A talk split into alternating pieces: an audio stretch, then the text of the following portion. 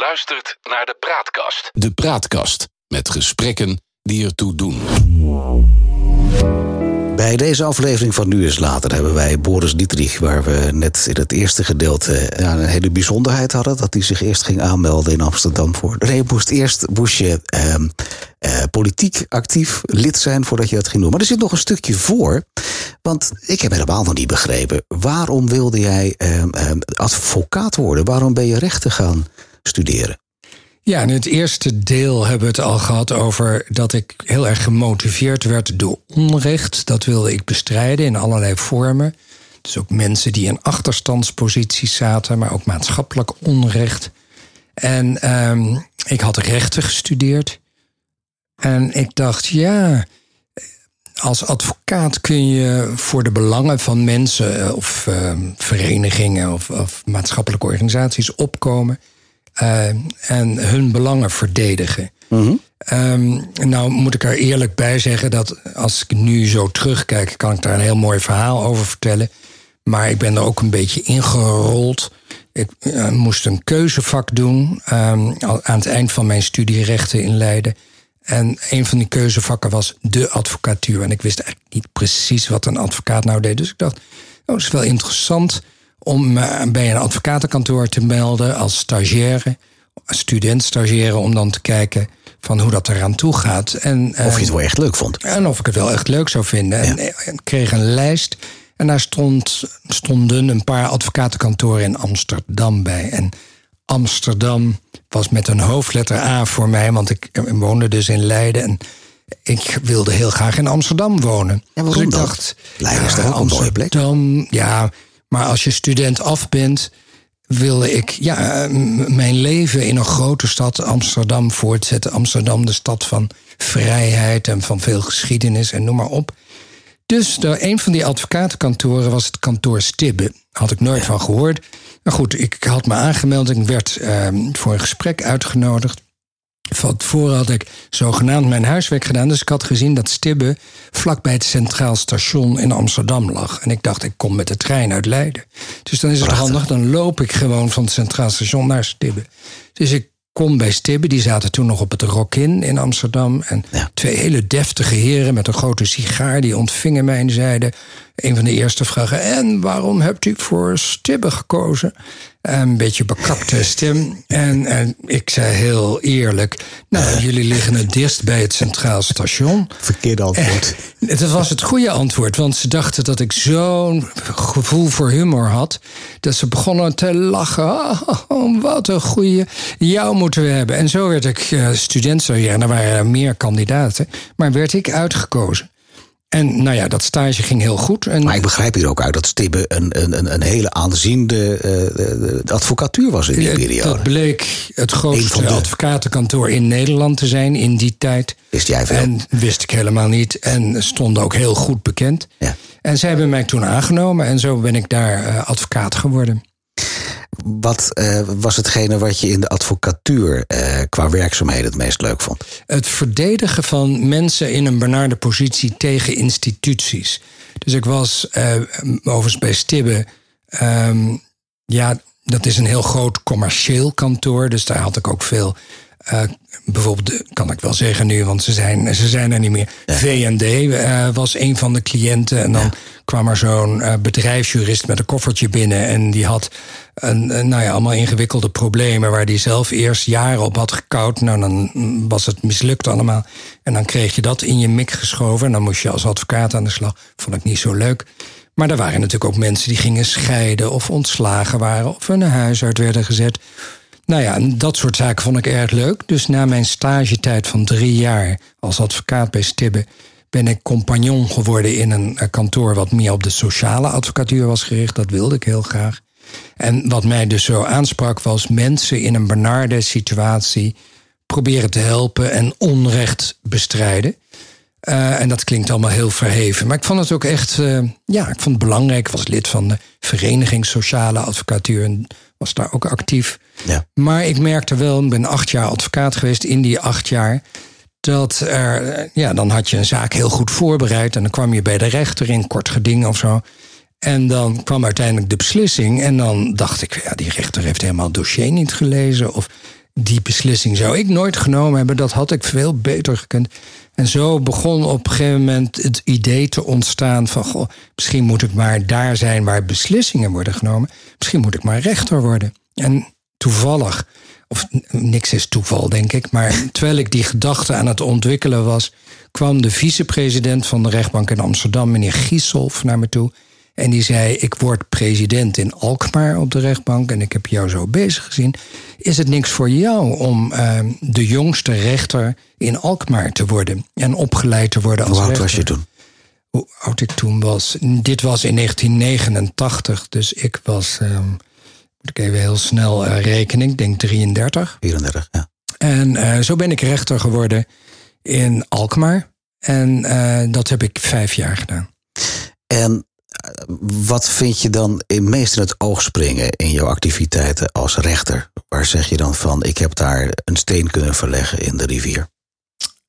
Nou, ten eerste als rechter neem je de beslissing. En dat is natuurlijk een hele andere tak van sport dan als advocaat, ja. wanneer je argumenten aandraagt, maar je bent afhankelijk van degene die de beslissing neemt.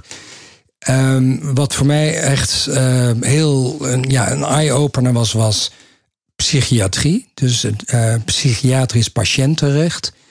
Toen naar tijd hadden we nog de krankzinnige wet. Dat werd ja. later de wet bijzondere opnemingen psychiatrische ziekenhuizen. Maar het kwam erop neer dat ik een autootje van de rechtbank kreeg en door heel Noord-Holland reed naar psychiatrische ziekenhuizen en inrichtingen. En daar zaten dus mensen tegen hun wil opgesloten, omdat ze een psychische stoornis hadden en vanuit die stoornis gevaarlijk waren voor zichzelf of voor de omgeving of uh, nou ja, voor de maatschappij in het algemeen. En dan moest ik als rechter met de psychiater praten, met de officier van justitie die hen uh, had vastgezet. En moest ik beslissen of ze langer tegen hun wil opgenomen uh, moesten blijven, of dat ze misschien daar vrijwillig wilden blijven, of dat ze naar huis konden. En dat is, nou ja, dan moet je dus. Uh, dat is eigenlijk maar een enorme verantwoordelijkheid, weet je. Ja, dat was het ook naar hoor. huis neemt. Dus heel veel heftig. dossiers lezen, mensen praten. Ja. En dan praat je natuurlijk niet alleen met de psychiater, de officier ja. en de patiënt. Maar ook met de ouders, of ja. de, soms de buren, of eh, de werkgever. maar betrokken was. De sociale omgeving. Maar uiteindelijk moet je wel de beslissing nemen. En dat was best wel uh, pittig, maar ik vond het ook zo bijzonder om uh, vanuit die geprivilegeerde positie die ik heb en had, te zien dat er zoveel mensen in Nederland zijn die op de een of andere manier uh, psychisch in de problemen komen en soms ja. ook dan gevaarlijk kunnen zijn. Ja. Um, dus dat was een eye-opener voor me. Kreeg je daar voldoende tijd voor om, om, om echt je in te lezen en, en al die bezoeken te kunnen afleggen? Of ja. was, dat, was dat krap? Ja, het, som, ja, dat ging er vanaf. Soms had je maar twee, drie, vier patiënten in een inrichting op een dag. Nou ja, dan kon je daar heel erg de tijd voor nemen als je dat wilde.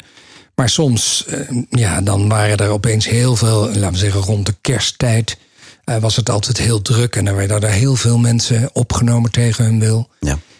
Um, ja, en dan uh, was het soms uh, aanpoten. Dan was je van s ochtends half negen tot uh, s avonds bezig met mensen horen, spreken en dan daarna de beslissingen nemen. Dus dat kon soms ook heel, heel lastig zijn. Wat heb je aan die periode meegekregen? Wat heeft Boris Dietrich daarin veranderd eigenlijk, die vijf jaar? Nou, ik heb veel geleerd. Of het iets veranderd heeft, weet ik niet. Maar wat ik echt geleerd heb als rechter is uh, de basisregel dat er zijn feiten.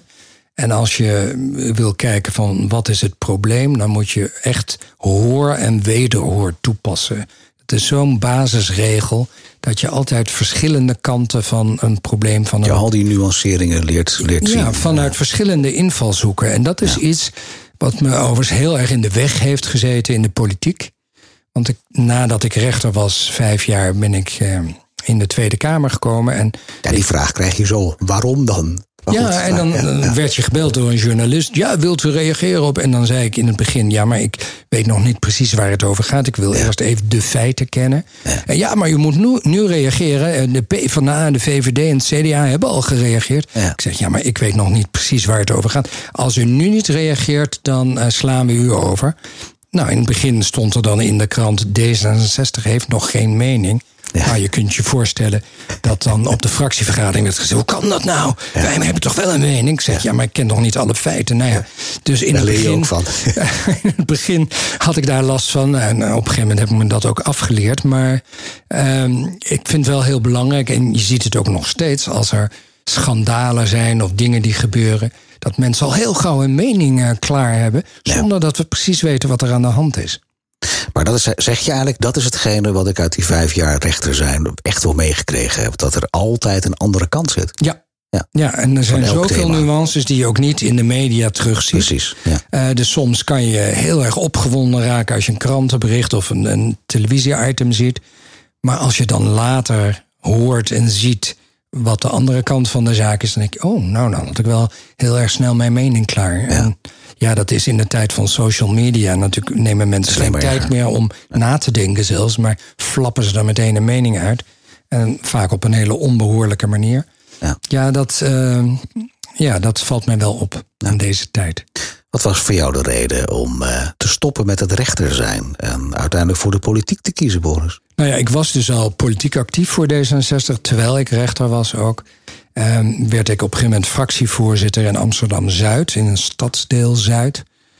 Um, maar ik was dus overdag rechter en s'avonds uh, deed ik dan die vergadering in Amsterdam Zuid. Dus ik, uh, de stap was, wou ik maar zeggen, niet zo heel erg groot. En op een gegeven moment uh, vroeg Hans van Mierlo mij of ik een keer met hem wilde eten. Nou, gedaan. En die zei: Ja, de verkiezingen komen eraan en we hebben een goede jurist nodig in de fractie. Is het iets voor jou om Tweede Kamerlid te worden? Nou, over nagedacht en niet eens zo lang over nagedacht. En toen dacht ik: Ja, nu is het moment. Uh, ik geloof dat D66 ook de slogan had: uh, dit is het moment. moment ja. Zoiets. Maar in ieder geval in 1994 uh, stelde ik me kandidaat en uh, kreeg D66 24 zetels. begin van Paars 1. Ja. Hans van Mierlo werd minister van Buitenlandse Zaken. Maar ik kwam, ik kwam in de Tweede Kamer. En wat mij ook, behalve dus dat hij mij dat vroeg en ik al actief was, ook nog een zetje gaf, was dat ik wel had gemerkt in die vijf jaar dat ik rechter was. Is dat je als rechter um, aan het eind van de keten van problemen zit. Er is een probleem en dan wordt er over gebekvecht, advocaten en uiteindelijk komt dat voor een rechter. En als rechter neem je dan uiteindelijk een beslissing, maar het probleem is er dan al. Ja. Dus je weet ook als rechter, soms hak je een knoop door, maar of dat nou het einde van het probleem is, is vers 2. En ik merkte dus dat er, ik deed heel veel strafzaken, dat in die strafzaken heel veel jonge mannen met name voor het hekje kwamen. Die hadden een strafbaar feit begaan. En dan hoorde je verhalen over slechte opvoeding, niet naar school gegaan, drugsgebruik, noem maar op. Allerlei grote maatschappelijke problemen waar je als rechter in een individuele strafzaak weinig tegen kan, doen.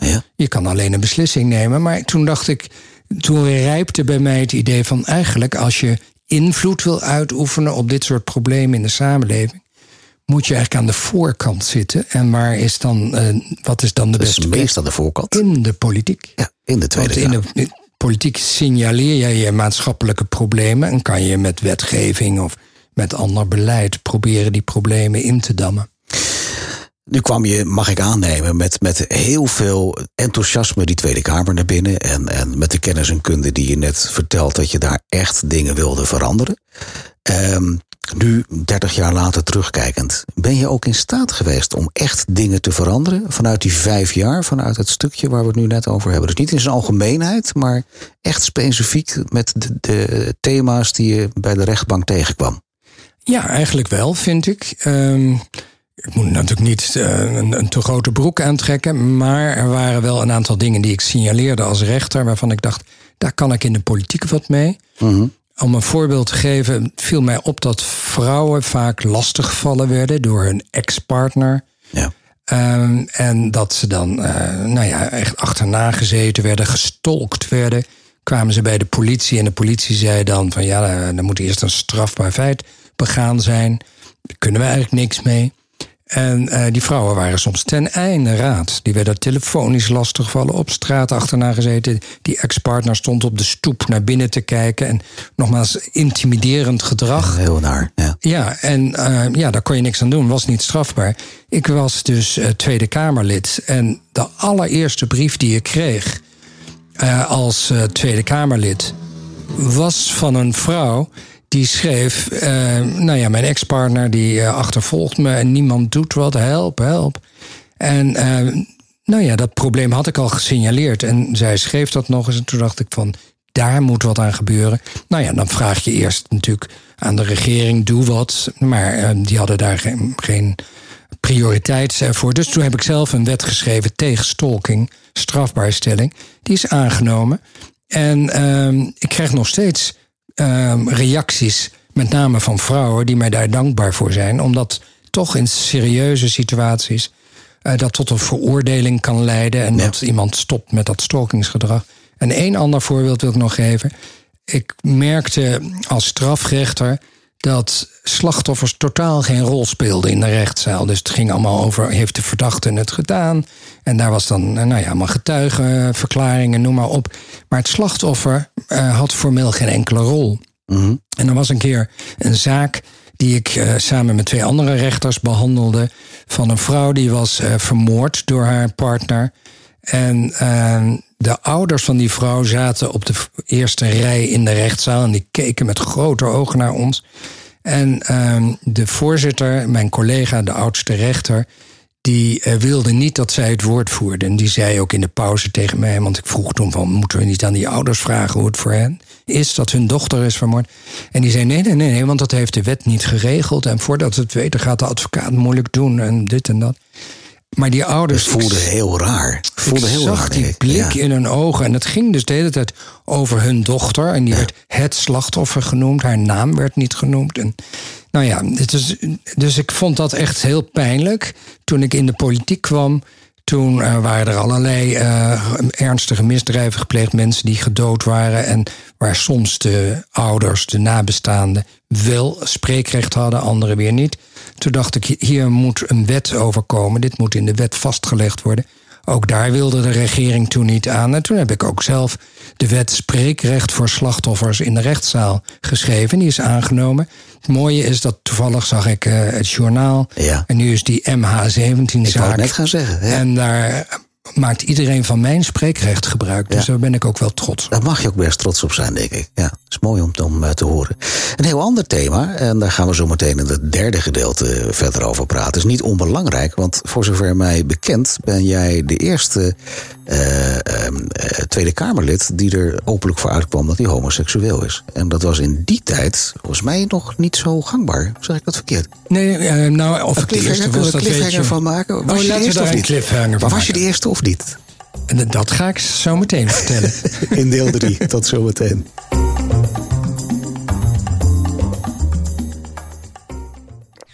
Je luistert naar de Praatkast. De Praatkast met gesprekken die ertoe doen.